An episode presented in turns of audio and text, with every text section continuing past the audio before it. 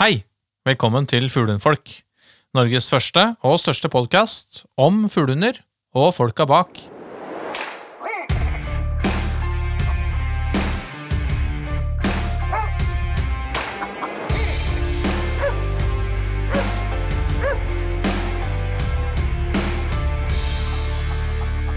Kjære venner. Hallo, hallo. Det er veldig godt å ha dere tilbake i studio. Jo, takk.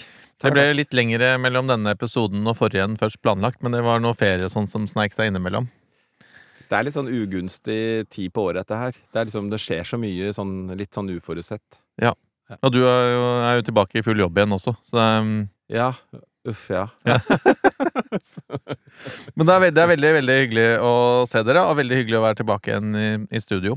Men det skal, det skal bare sies, da, i den eh, jobbsammenheng, så må jeg bare si det at det, det var jo full jobb med Det er jo full jobb med hund òg. Ja, ja, men i, i tillegg til ja, så Ja. det- Nå jobber jeg 200 Ja, ikke sant? ja. Men Magnus tar over kennel, da, så da går det greit. Ja, Da jobber du 200% Ja. Ja. 300, kanskje. um, Men jeg syns det var viktig at vi fikk liksom samla oss um, før um, sommerferien virkelig trår til, og Mm. ha en liten, liten offisiell sommeravslutning. Absolutt. Um, I denne episoden, Bjørn, så skal vi snakke med vi skal, snakke med, vi skal ha med to gjester i studio. Ja. Vi har Petter Steen. Ja. Det er jo en veldig markant kar i uh, fuglehundmiljøet. Han er både eksteriørdommer og jaktprøvedommer og sitter i utallige komiteer og er med i forberedelser og utvikling av disse her både med dyrevelferd og med hund og helse og alle de forskjellige prosjektene som er i gang nå rundt uh, ja, flere ting man ønsker å belyse i forhold til uh, helse og fuglehund, da. Mm. Så det er mange ting vi kan spørre han om, og jeg er veldig spent på dette her som skjer rundt eksteriørbedømning og størrelser og, og, og, og alt mulig rart, ikke sant? Det er ting som har vært lenge, men det er greit å få det direkte fra en, uh, en som står midt i det.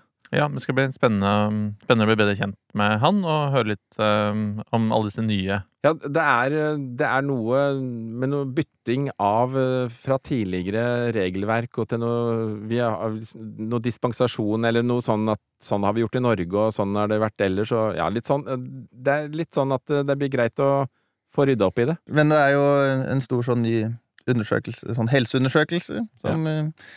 som er vel et samarbeidsprosjekt mellom flere.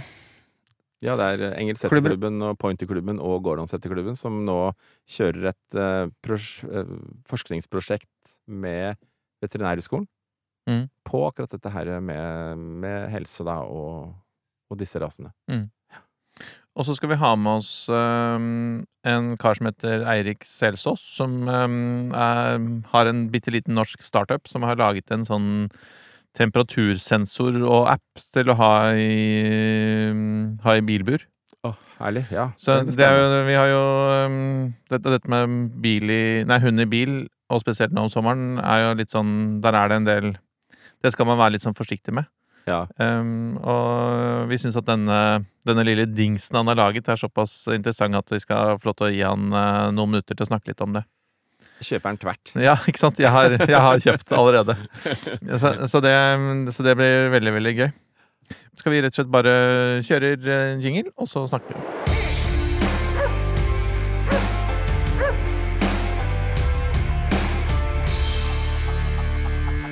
Da er det altså oss i Fuglehundfolkpodden, da, Petter Steen, som har fått eh, liksom eh, lurt deg utpå i dag.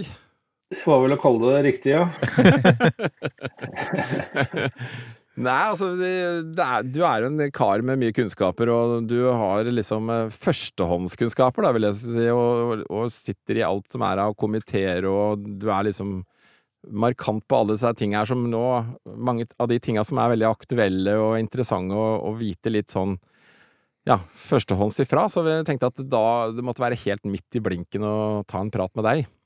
Ja, hyggelig. hyggelig. Jeg er eh, en, kanskje man kan omtale som sånn Tordenskjold-soldat, som er med litt overalt og bidrar eh, frivillig. Ja, ikke sant? Eh, Både lokalt i- eller raseklubb og kennelklubb, og har gjort det i alle år. Ja, ikke sant? Så, så det, er, det er mye egentlig å si om deg, så jeg tenker at det, du må få lov til å presentere deg. Det hadde vært Får vi liksom litt vite hvem du er. Ja, det er jo en, en 60, snart 61-åring som er, eh, har vært opptatt av hunden så lenge han har klart å bevege seg. Og vokste opp med labrador og terriere, og uten at mor og far drev noe oppdrett. Men eh, det starta jeg med så fort jeg fikk eh, egen adresse. Så kjøpte jeg mine egne hunder og har vært oppdretter siden slutten av 80-åra. Mm. På terriere, dachser og fuglehunder. Ja. Nå er det vel fuglehund for mitt vedkommende som eh, opptar det meste av tiden. Ehm, på vei mot eh, voksen alder så har jeg utdanna meg som eksteriørdommer. Det har jeg vært i 24 år. De siste 10-12 åra har jeg vel også dømt jaktprøver stående fuglehund. Ja. Og, ja, og er eh, formann i avlsrådet i Engelseterklubben for øyeblikket. Og er også eh, sentralt i kennelklubben i en komité som heter Særkomiteen for utstilling, ved at jeg er formann i utstillingskomiteen, som egentlig sitter og inviterer eksteriørdommere til alle kennelklubbens utstillinger. Ja. Og den særkomiteen har også da alt med utstillingssporten å gjøre i kennelklubben, som jeg har en, en fot inne der, da, og får lov å mene noe om det man har drevet med hele livet. Ja, og, og, og kanskje vi skal begynne der, tenker jeg, fordi at det, det er jo det er en del spørsmål nå rundt dette her. eh, Det sto jo, du skrev vel i Fuglehunden òg om akkurat dette her med nye, eh, nye ting rundt eksteriør og fuglehunder og sånne ting, eller noen sånne misforståelser, eller noen, eh, eller noen hva det var. Eh, Ja, det var jo sånn historisk tilbakeblikk så var det jo eh, engelskmennene som styrer eh, standarden på de engelske og britiske fuglehundene. Ja. Og det har de gjort siden rasene ble definert som eh, raser. Og så har de jo da etter påtrykk fra egne medlemmer hjemme i England eh, justert standarden fra eh, 1800-tallet og fram til eh, før, rett før krigen og rett etter krigen. Eh, Sånn at eh, den har blitt mer detaljert. eh, Men den engelske standarden er ikke så detaljert som f.eks. tysk og italienske, men dog, det er jo små justeringer som har skjedd eh, på veien. Mm. Og når de justeringene også da treffer eh, resten av FCI, altså det internasjonale kennelsamarbeidet, så eh, må vi oversette de rasestandardene eh, med endringene som kommer fra rasens hjemland. Sånn som f.eks. at vi eh, har ansvaret for Halden og Hyggen og norsk elghund og buen osv. Så, videre. Mm. så er det vi som Hvis vi gjør noen endringer, så får det konsekvens for andre land også. Og her var det jo snakk om at eh, den norske jegerstanden i 30-åra syntes ikke det var noe særlig at uh, blei høyere og høyere ut ifra hva engelskmennene ønska. Så de inngikk et samarbeid, eh, de nordiske eh, og spurte de nordiske kennelklubbene om det var mulig å ha et tillegg i standarden. Og det fikk de lov til. Som tok vare på da den høyden som jegerne i de nordiske landene anså som mest praktisk og mest eh, eh, ja, ja, for, sunn fornuft da, tilsa at de behøvde ikke å bli så store. Mm. Og det fikk de lov av de nasjonale kennelklubbene. Og det har vært med oss gjennom en ny endring som engelskmennene hadde på standarden i 52 og helt fram til nå. Så tok da den norske standardkomiteen, som oversetter alle standardene fra EFC, og bare fjerna det tillegget som vi har hatt da siden 30-åra, uten å involvere raseklubb og miljø Okay. det avstedkom en del eh, misforståelser osv. Det er jo ingen ny standard. Den har jo vært den engelske standarden fra 50-åra. Men det er det tillegget som vi har hatt, eh, som har guida eksteriørdommerne til å akseptere noe mindre engelsettere enn det standarden i England eh, ønsker. Mm. Men det står også i den engelske standarden at um, hunder av jaktmodell kan være noe lettere bygd. Akkurat. Det er jo da ikke oversatt i FCI, så her har vi en pågående sak der vi har et ønske fra FCI å komme med det tillegget som engelskmennene har i sin standard, også i vår standard. Mm. Sånn at det fortsetter å være akseptert at uh, jakthundene er noe lettere. Og dette gjelder jo ikke bare engelsetter, det gjelder også pointer og gordonshetter. Akkurat. Hvor, hvor høye er det engelskmennene vil ha dem, skal jeg si? Sånn uh... Ja, hvis, du, hvis du vet hvordan en flat-coated retriever ser ut, Ja, ja. så er det der vi er med hensyn til ønskene til engelskmennene. En stor, engelsk, eller en stor flatcoat hannhund, det er da også engelskmennenes ønske om hvordan en engelsksetter hannhund skal se ut Akkurat. i høyde. Ja. Og det blir for stort. Eh, hvis de da samtidig skal gjøre sitt tradisjonelle arbeid, så vil det avstedkomme problemer for dem eh, helsemessig, med skader, eh, eh, større belastning enn det de behøver å bli utsatt for. Mm. Eh, fordi at standard sier jo også at de skal være velbygde, og det skal de jo være både små og store. Mm. Men de skal også inneha et visst volum og en tyngde og beinstam osv. Og, så og hvis det her skal henge sammen i en helhet med den størrelsen de ønsker i England, så er det ikke mulig å gjennomføre lange jaktdager og flere dager i strekk med sånne hunder. Hvis man har vært på fjellet med en flatcoat og anser den som en sunn og fin hund, så blir den sliten etter fem dager i Rondane eller på vidda, liksom. Eh, og med det tempoet den har, så kan du bare tenke deg hvordan en sånn hund hadde sett ut med det tempoet en engelsk setter skal ha Ikke sant? for å finne fugl. Ja, altså liksom øh, alt en norsk eller hva skal jeg si det, alt en norsk engelsksetter må gjøre, da. Jeg tenker sånn opphavsmessig, ikke sant, hvor kanskje engelsksetteren i, i England hadde som jobb å ta stand, liksom. Og så hadde han alle tilleggs, tilleggsfunksjoner hos andre hunderaser som skulle apportere og alt det greiene her. Så Ja, det er en litt annen sport. ja, ikke sant? Da trengte han kanskje ikke å være så lett, da. Mens, mens våre hunder skal ta seg lett fram i fjellet og gjøre apportarbeidet og gjøre alt sammen, liksom. Så, så det, det krever en eh, kanskje en, ja, en mindre og en mer sånn lettere kropp. Ja, og Engelseterklubben gjorde jo for ti år siden et arbeid mot FCI for å påvirke den engelske Engelseterklubben til å romme litt større høydevariasjon i standarden. Og det syns de engelske engelsettermenneskene var veldig god idé. Ja. Men det var den engelske kennelklubben som satt en stopper for at det ble endring i standarden der. Så det engelske engelsetterfolket, dem er med oss. Okay. Men det hjelper jo ikke når den engelske kennelklubben ikke ønsker å hjelpe oss. Nei, men vil jeg si at hvis vi reiser over til England, så kommer vi til å møte hunder vi ikke med en gang skjønner at det er en engelsetter? Nei da, de har fine engelsetter i England også, og det som er litt merkelig, det er jo at ingen av dem innehar den høyden og det kravet engelskmennene selv har til sine hunder. Alle er jo eh, litt større i, i gjennomsnitt enn det de norske er, men de er ikke i nærheten av det kravet standarden etterspør. Sånn at, eh, men engelskmennene er jo da eh, veldig opptatt av type. Eh, at det skal være veldig enkelt å se, sånn som du sier, da, at en hund er en rase. Mm.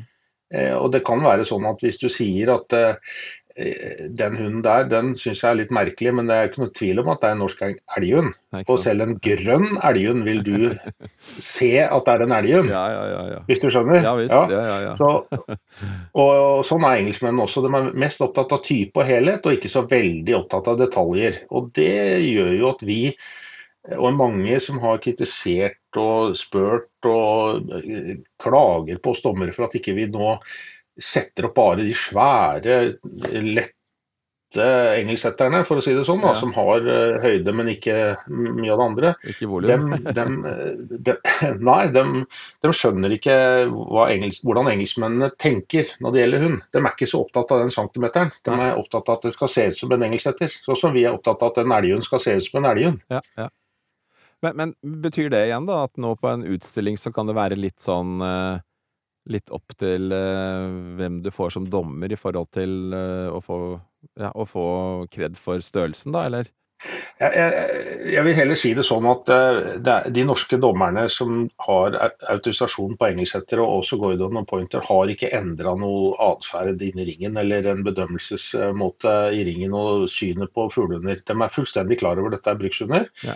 Eh, og, eh, men ønsket fra både raseklubben eh, i de forskjellige rasene, da, det er jo at vi helst ikke skal premiere de hundene som er langt under minstemålet, også det minstemålet som vi sjøl hadde helt fram til da juni 22.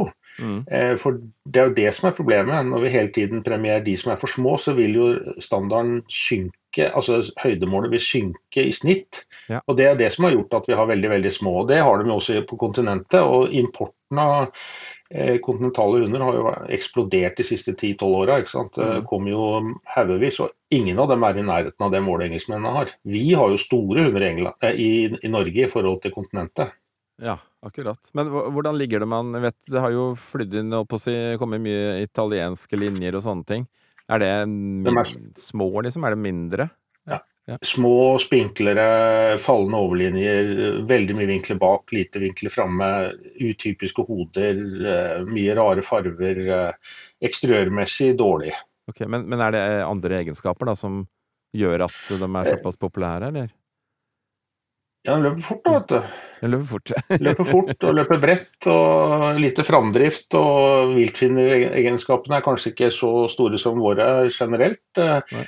Eh, Og de trigger og treffer en del eh, mennesker med engelsetter i Norge og som tror at det her kan eh, eh, bli noe bra. Men eh, nå har det jo kommet inn hundrevis uten at eh, eh, resultatlistene blir voldsomt prega av den importen.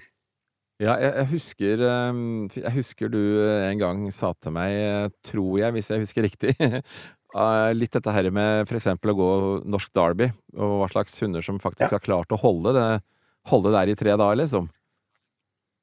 Ja, det, det er litt sånn rart. Det, nå prater jeg bare på vegne av engelskhetteren, men det Ja. finnes altså ikke utenlandske hunder som er foreldre til norske engelskhettere som har vunnet derbyen.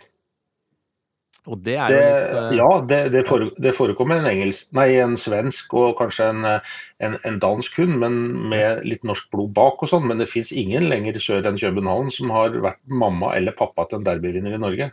det, det, liksom, det, det glemte jeg aldri, liksom. Husker det, det er lenge siden Nei, vi snakka om det der, men akkurat det, liksom det, det tenkte jeg på. At det er ok, det kreves eh, en nordmann i norske fjell. Det gjør det, og det er den tredagers uh, stayerevnen som kanskje vi skal være stolt av at vi har i linjene våre. For det er jo faktisk engelsksettere som har vunnet derbyen.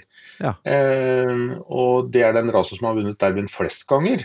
Eh, men som sagt, det er da med norske foreldre, norske linjer. Og ja da, det er blanda inn utenlandsk på veien. Ja. Men uh, dem preger avlen veldig uten at det resulterer i for stor eh, resultatmessig framgang, sånn som jeg vil se det. Akkurat. Hva er positiv tilførsel, da? Kan vi liksom, har det noe Altså, Den vanner jo ut blodet vårt, sånn at vi kan fortsette å avle på det vi allerede har. Eh, fordi at Hvis vi bare avler på det norske, så vil vi jo stoppe eh, i en eller annen sving Ja, ikke sant? ja. og få problemer med andre ting. Mm. Så de tilfører jo litt ferskt og friskt blod.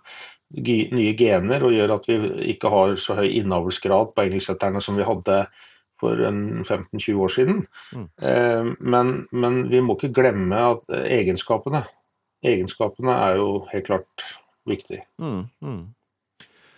Ja, spennende, da. Men, men eh, det finnes jo flere sider her, og jeg vet jo, som du sa òg, så, så sitter du jo i, i, i, et, i, et, eh, i en komité som jobber med avl og genetikk og helse, og, og jobber litt opp imot dette her med sykdommer og, og opp imot Veterinærhøgskolen, vet jeg. Ja, vi eh, blei spurt av Høgskolen og Gordonsetterklubben om å være med i et eh, forskningsprosjekt eh, der vi prøver å genetisk eh, eh, finne fram i noen kjente sykdommer. Mm. Og har avsatt en del midler eh, i klubben, og også med bidrag fra medlemmer, både oppdrettere og vanlige medlemmer, hannhundeiere osv., som altså rett og slett bidrar med midler Mm. for å ansette en forsker som skal jobbe mot å um, forhåpentligvis da finne noe genetisk faktor som gjør at vi kan vite om hunder er på sikt da, er utsatt for uh, noen av de sykdommene som rasen sliter med. Ikke nødvendigvis eh, rasemessig et stort problem, men individet vil ha problemer med de sykdommene, og kanskje vi kan eh, få noen svar på ting vi ikke vet nå. Mm. Og Det er jo sånn som hypeterose, lavt stoffskifte, som forekommer på rasen. Det er kloløsning som forekommer på engelsettere, men har kanskje en større utbredelse og problem i gordonsetter. Ehm, Det er allergi, som er en, et økende, eh, en økende frekvens i de fleste raser, også vår. Mm. Eh, Og det har, et, har veldig stor betydning for individet. Eh, og det er andre ting også som eh, vi, vi da ønsker å avdekke ved det. Og når vi nå spør da Engelsetter og Gordonseter eiere om å ta en blodprøve hvis de har syke, Mm. Eh, eller har hatt tendenser til noe av det jeg har nevnt, så, så vil de blodprøvene bli lagret. Og, og det blir omtrent som å sette det i et bibliotek. sånn at hvis det senere skulle bli et problem, så har vi blodprøver som vi kan eh, også undersøke de hundene som har sendt blod inn, om dem også har vært involvert i det Mm. nye som dukker opp eventuelt. Mm. Og så har vi også Engelseterklubben da bedt alle engelskhetter eiere, de siste, som har hatt eierskap til en Engelseter de siste ti årene, eh, om en helseundersøkelse på generelt grunnlag, der vi har fått hjelp av høyskolen til ut, eh, og Kennelklubben til å utarbeide et spørreskjema. Og på bakgrunn av det spørreskjemaet så kan man jo da få hjelp med eh, Eller få enkelte hunder da inn i, eh, i det forskningsprosjektet basert på de svarene man får i den helseundersøkelsen. Og Dette er jo ikke noe Eng altså Engelseterklubbens avlsråd sitter og forvalter, dette er høyskolen. Så det er anonymisert i den forstand at det er forskerne og høyskolen som jobber videre med individer. sånn at eh, jeg oppfordrer alle mine valpekjøpere til å sende inn eh, svar på helseundersøkelsen og bli med videre hvis det er noen av dem som har slitt med noen av de problemene jeg nevnte. Mm. Mm. Går det an å spørre, holdt på å si, eller liksom, vet man noe om hvilke fuglehundraser som er friskest? Eh, Ja, si det, du. Det slo meg plutselig at eh, ja, det er litt spennende, men Og samtidig litt dette her hvor mye kan det være Hvor mye er liksom man Tenker man seg miljøet, og hvor mye tenker man seg liksom genetikk i det, da, ikke sant, i forhold til eh, ja, at sykdommer og ja. sånne ting utvikler seg? Ja.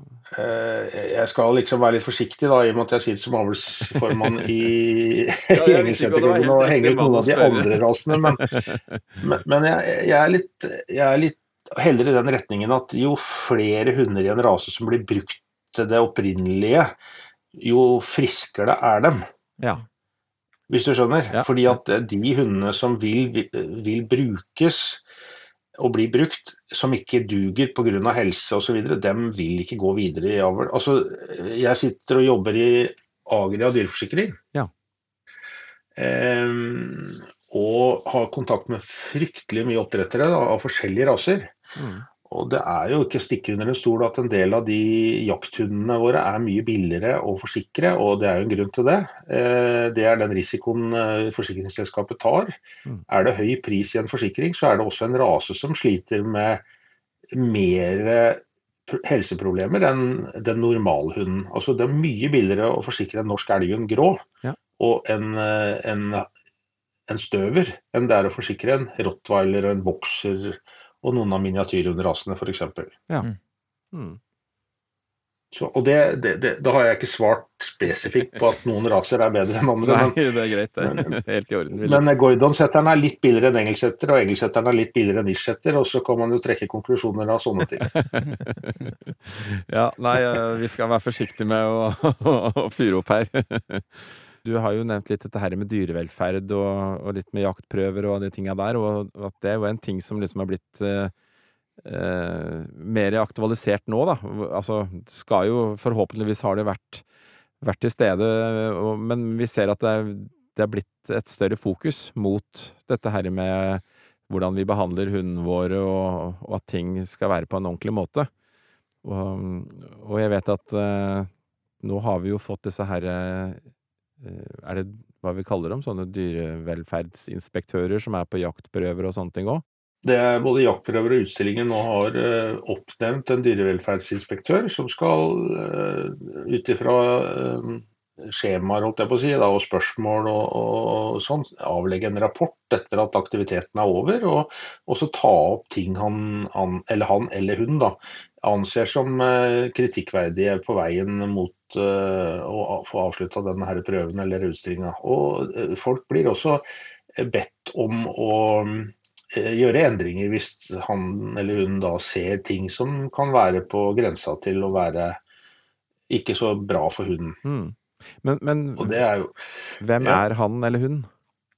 Det oppnevnes jo da av klubben som skal gjennomføre aktiviteten. Ja. Eh, og, og dem eh, har jo noen instruks å forholde seg til, og et skjema, og, og skal levere inn dette her til kennelklubben osv. Så. Ja, så, det må ikke være vi- en veterinær, eksempel, eller man har kanskje et Nei, kurs eller noe nei, sånt? nei. eller?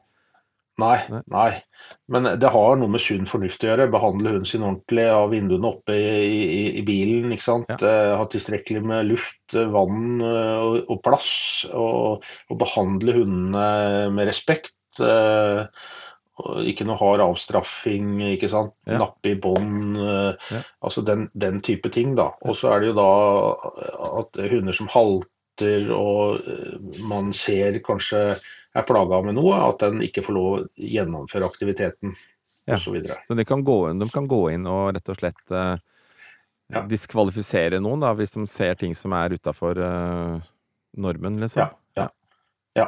Og det er jo, På utstilling så er det jo gjerne eksteriørdommeren som står og ser at en hund halter, og gir ikke den en premie pga. halthet for dagen. Ja. Eh, men på jaktprøve er det jo sånn at en hund som er gal, eh, løper jo nesten like fælt fordi han halter. og Da er det jo viktig at både eieren og, og dommeren der også sier at den hunden din eh, er skada, og, og rapporterer det til dyreverninspektøren, da, velferdsinspektøren, sånn at det her blir nevnt at det her er eh, en hund eller flere som har eh, vist svakhet helsemessig, som har blitt stoppa på veien. Sånn at ikke noen melder den, for å si det sånn. Da, for vi er jo blitt veldig flinke til å drive og melde hverandre for alt mulig rart. Og Ja, da er det jo bedre at du får et eh, signal om at kanskje du skal trekke hunden din, enn at det er noen som melder deg for at du ikke gjør det. Mm. Ja, for det mange er jo ganske oppi det når det står på, og kanskje, kanskje rett og slett ikke nesten er i stand til å, å tenke helt å si, klart i den retningen, og, og tenke at dette her er bare noe småtteri som ikke er så farlig, liksom, mens, mens en som Ja, står ja. utafor og ser, ser inn, han vil eh, legge merke til ting på en litt annen måte. Er, altså er, når konkurransen eh, og konkurranseiveren kommer, så er det mange som får høyt eh, adrenalin og tenker Ja, ja. seg mindre klart om enn det de gjør i normale situasjoner. Så sånn er det jo bare. Ja. Eh, Og det er jo ikke så mange, ikke så mange sporter i hundeverden som er som fuglehunden på fjellet, for der konkurrerer jo hundene. I hvert fall i VK da, veldig hardt om den første fuglen og den andre fuglen osv. Og, så og søk osv. Det er ingen andre hundesporter som har en sånn konkurranse, bortsett fra sånn lurcoursing og sånn som er av, av mye mindre omfang. da. Mm. Eh, Der hundene konkurrerer mot hverandre og blir premiert deretter. Ja, ikke sant? Mm. Så da, da blir det veldig førstemann til mølle, holdt jeg på å si. Eller det er om å gjøre å, å ha en veldig fremdrift og, og komme i gang. Og, liksom, og da er det vel kanskje andre Det er ikke alltid man legger merke til alle andre detaljer. Nei. Og det er klart at jeg har stått i ringen og dømt nå i 24 år, og det er ve veldig mange ganger jeg har sett hunder som har eh, plager med et ben eller eh, noe sånt, og det har, eieren har ikke, aldri sett det, eller ser det ikke. Selv om jeg poengterer det, så, så ser de det ikke. Fordi at det er, det er et trent øye som skal til for å se at en hund ømmer på et høyre eller et venstre bakbein eller forbein. ikke sant? Ja, ja, ja. Det, og det er jo ikke engang veterinærer er like flinke som oss eksteriørdommere på akkurat sånne del ting. Ja, det, det ser jeg med. Jeg skjønte jo ingenting. Jeg husker første gangen jeg hadde var på utstilling og bikkja mi fikk eh, kommentaren at den var løs i fronten, så tenkte jeg hvor, hvor skal jeg skru til en her?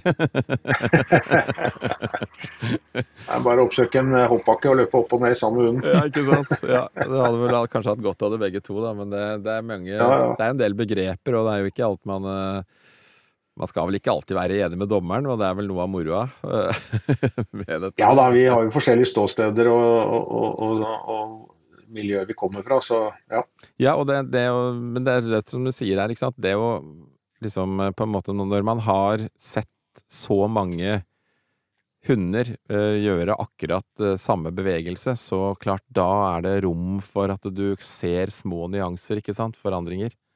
Ja, ja. Så det, det skal man ha respekt for. Mm. Vi har jo en stor aktivitet som skal gjennomføres neste helg, og det er Kennelklubbens tredagers utstilling i Sandefjord. og Der er det jo dommere som skal dømme en opp mot en 350 hunder i løpet av tre dager. Ja. Eh, Dess, dessverre så er det faktisk blitt så mye hunder der som Kennelklubben måtte eh, se bort ifra den skriftlige kritikken. Nå skal jo dommerne være flinke til å gi en tilbakemelding muntlig, da, og, og, og, men den dommeren skal gå gjennom en 300-350 hunder kanskje i løpet av tre dager. Ja. Og det er klart at når du gjør det mange helger i året, eh, kanskje ikke akkurat like mange, men en 70-80 hunder og en ti ganger i året, så er det mye hund eh, du har gjennom hendene.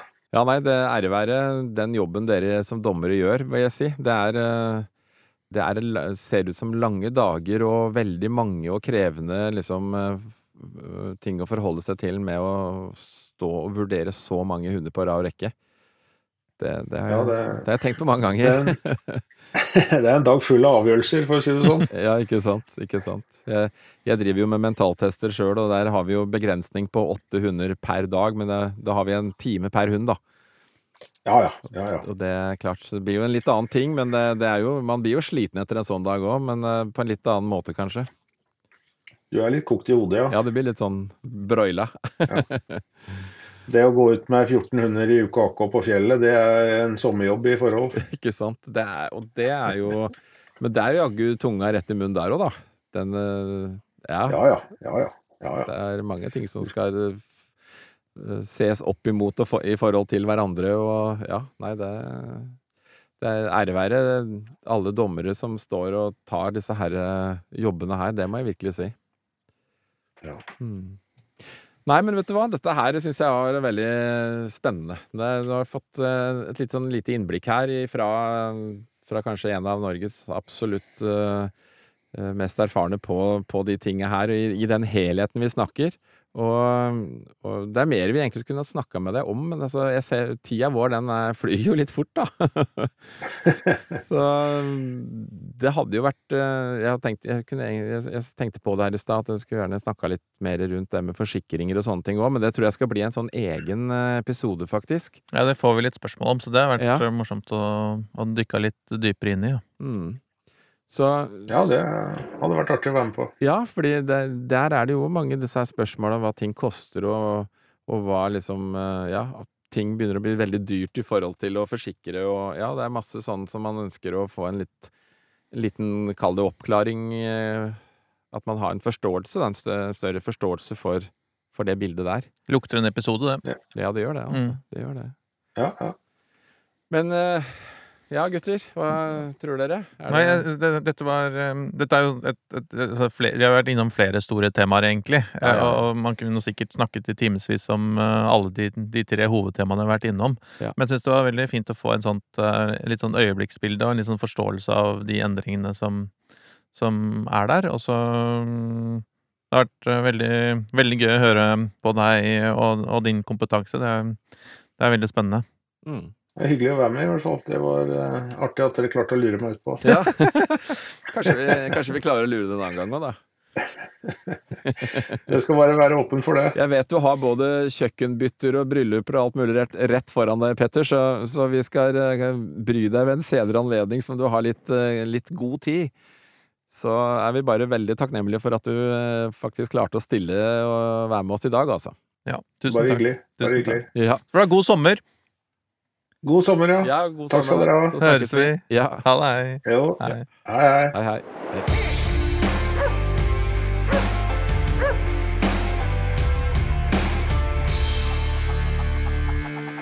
Men det var spennende. Ja.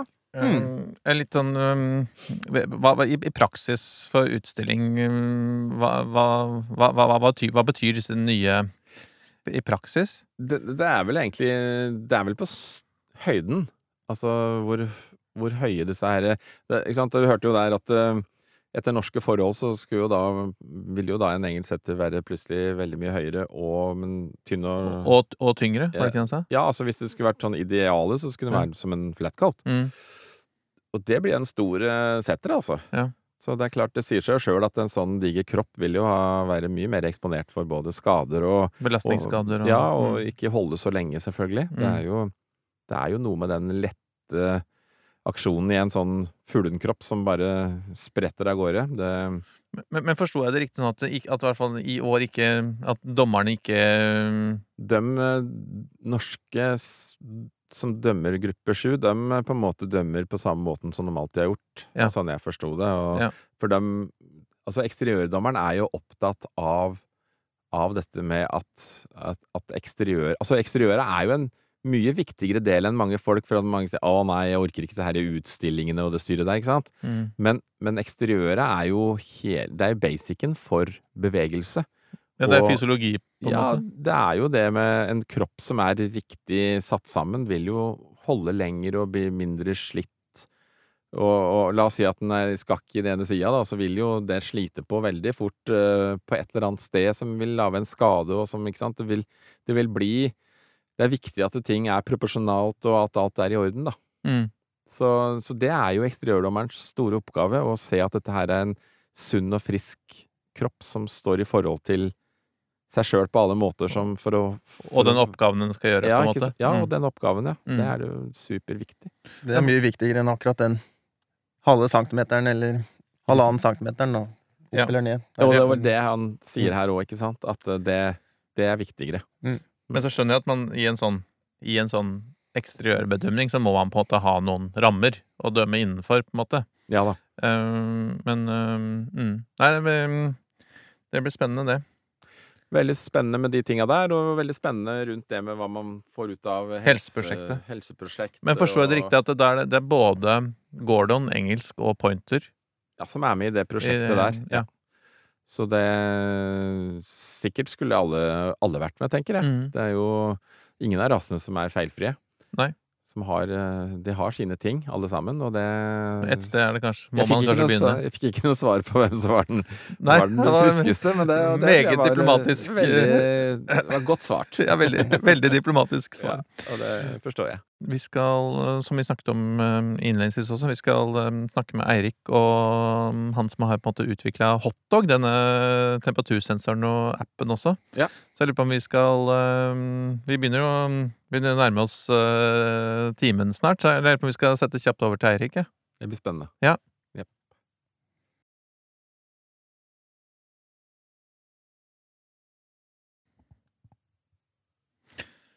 Hei, Eirik. Hei, hei, hei, hei. Du, det er eh, Magnus, Bjørn og Espen fra Fuglenfolkpodden som eh, plager deg litt sånn rett før sommeren.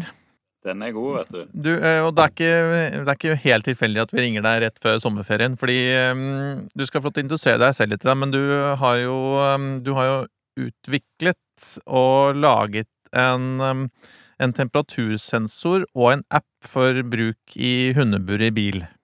Det stemmer, det stemmer. Det er noe jeg har holdt på med lenge, basert på en, eh, et behov som jeg og kon- kona mi fikk for eh, ja, mange år siden, der vi var usikre på temperaturen i bil for våre egne hunder. da. Jeg vet at du har lang erfaring eh, med hund, også, også på en sånn fra, fra barnsben av. Og du har vel hatt noen, noen foreldre som har vært veldig aktive med hund gjennom hele livet? Ja, det stemmer. Jeg har både en far som har holdt på mye med, med jakthund, og, og en mor som er veldig aktiv innenfor lydighets- og konkurranse, og var nylig med i VM der og tok en bronse der. Så, så de er veldig aktive, og så har det fulgt meg egentlig hele livet. Og nå har jeg da to working cocker spanieler sammen med min kone, og eh, som hun er mest aktiv med, med å trene både agility og, og, og fugle, fuglehundjakt. Spennende. Fortell litt om, eh, om sensoren og litt om appen.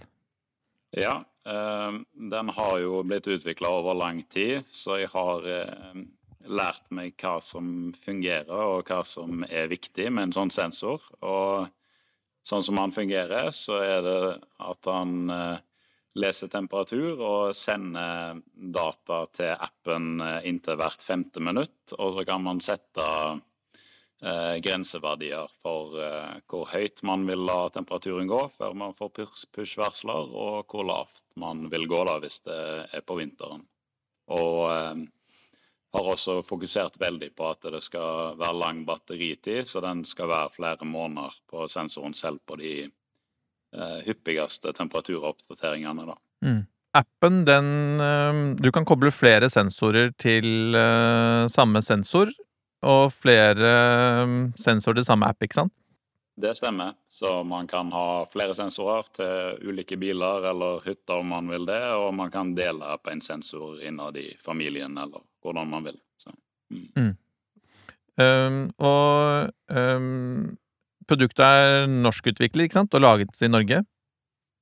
Det stemmer. Det er både utvikla og produsert i, i Norge, er det. Så. Um, vi er jo Jeg har hatt gleden av å teste produktet nå en, en måneds tid, og så har du også hatt øh, noen andre som har testet produktet. Hva, hva er liksom tilbakemeldingene fra, fra de første brukerne? Nei, jeg syns det har vært veldig positiv tilbakemelding på at det løser akkurat det problemet som jeg vil at det skal løse. Og det er det jeg har fått eh, mye god feedback på, da. Så det, det er jeg veldig glad for. At det, det løser det problemet som, som det skal løse, Mm. og eh, på en god måte. Mm. Du har jo også laget en holder til den, som gjør den enkel å, å feste enten i bur eller i Sånn som jeg har gjort, så har jeg jo skrudd den fast i hundekassa.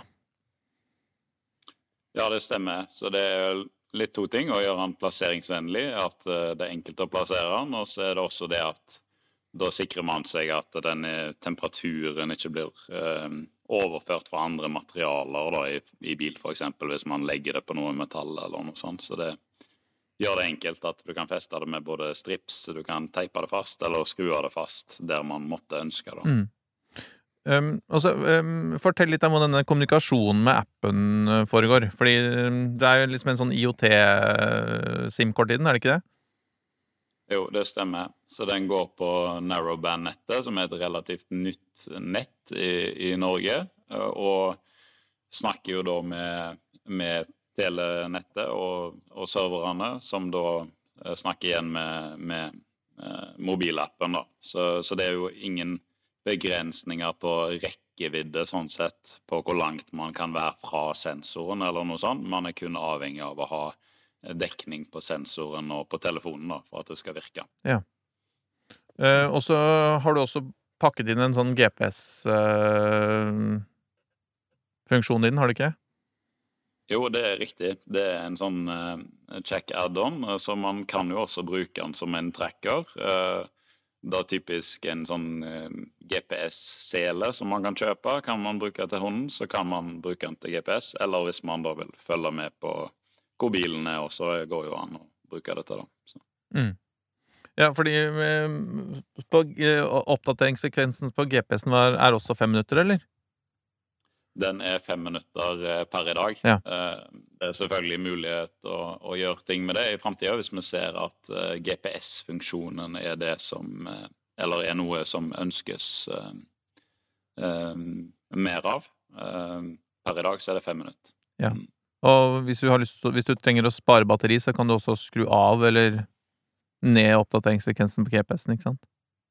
Det stemmer. Ja. Hvis det er kun temperatur du er ute etter, så får du eh, gjerne dobla eller eh, batteritider da, med, med å skru av GPS-en. Hvordan fungerer det i praksis? Du, man, du kjøper enheten, Ja, man kjøper enheten, og så oppretter man en konto med e-post, og så skanner man en QR-kode på baksida av sensoren, og så er man i gang. Så det er relativt enkelt. er det noe abonnement og sånn, eller?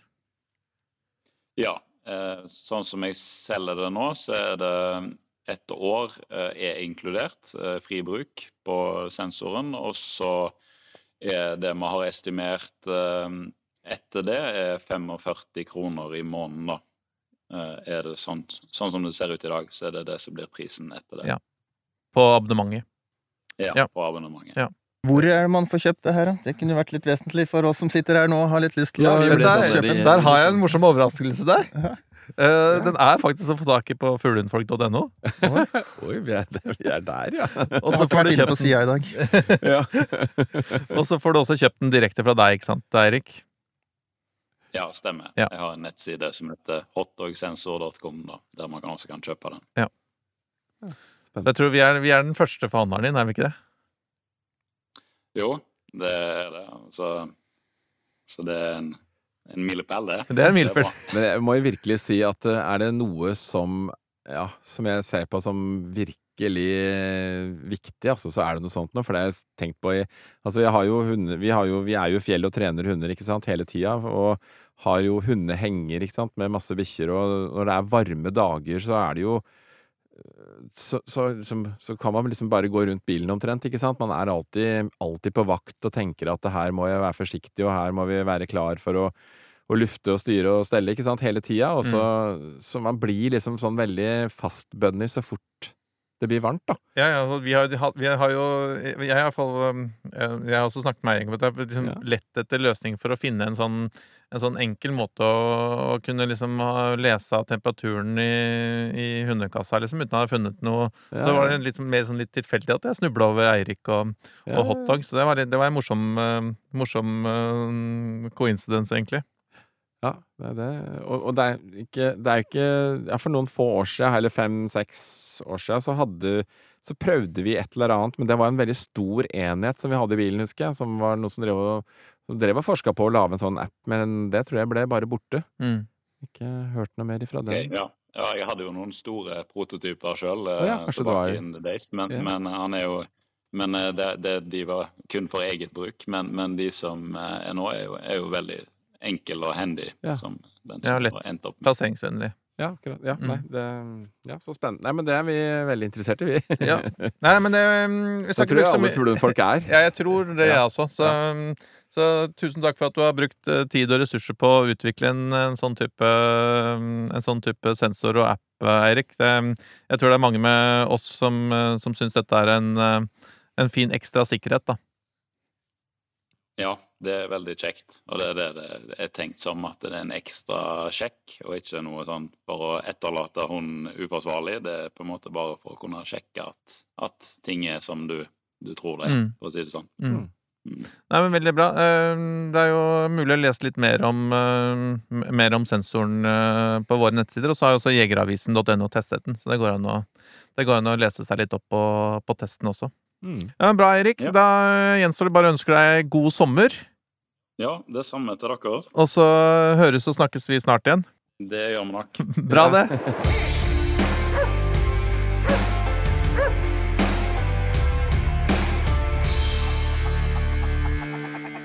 Det siste Eirik sier her, er kanskje det aller viktigste. Altså at eh, Tanken med en sånn type sensor er Det skal ikke være en sånn falsk trygghet. Nei. Jeg tror det der med Det der å alltid ha oppsyn og, og, og med hunden i bil, er uhyre viktig. Ja, du merker du blir stressa når du når du tenker på de tinga der. Og selv om du har vifteanlegg og alt mulig rart, som er og det er veldig sånn bra isolert mot varme òg, samtidig som ja, Ja, I hundekasser, så- ja. ja.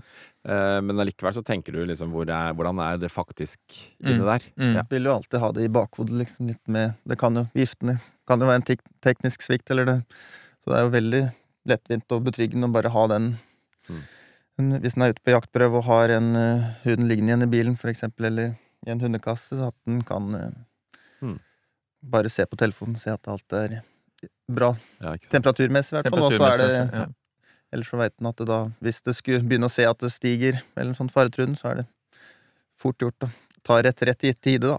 Og Ja. komme til unnsetning. Ja, nei, men jeg bare understreker Det er viktig for meg å bare understreke det, at, at um, det er ikke en falsk trygghet, på en måte. Det er, um, det er en ja, det er en temperatursensor som gir deg et sånt øyeblikksbilde. Mm. Og det, det som er fint, er at det er push-varsling på den. Mm. Så, um, og du kan selv sette lav og høy um, komforttemperatur, da. Mm. Um, så nei, jeg har fått testa den hit nå i, i mai måned, og har vært veldig fornøyd med det hittil. Mm. Vi gleder Så- oss til høsten. Yep. Da må vi kjøpe sånn. Da må vi kjøpe sånn. Ja. Da gjenstår det egentlig bare å ønske dere god sommer, lytterne våre god sommer. Eh, Jeg kjenner, jo at jeg eh, har begynt nedtellinga mot eh, 20. august. Ja, det har begynt med for lenge siden. Så jeg gleder meg til, eh, jeg gleder meg til høsten nå. Altså det, dette her med hvor fort tida går, som vi sier. Alle klager på det, og det må jeg si. Jeg, jeg føler at det er et sånn lite knips siden vi låste ned hytta og dro ned igjen, liksom. Og Ja.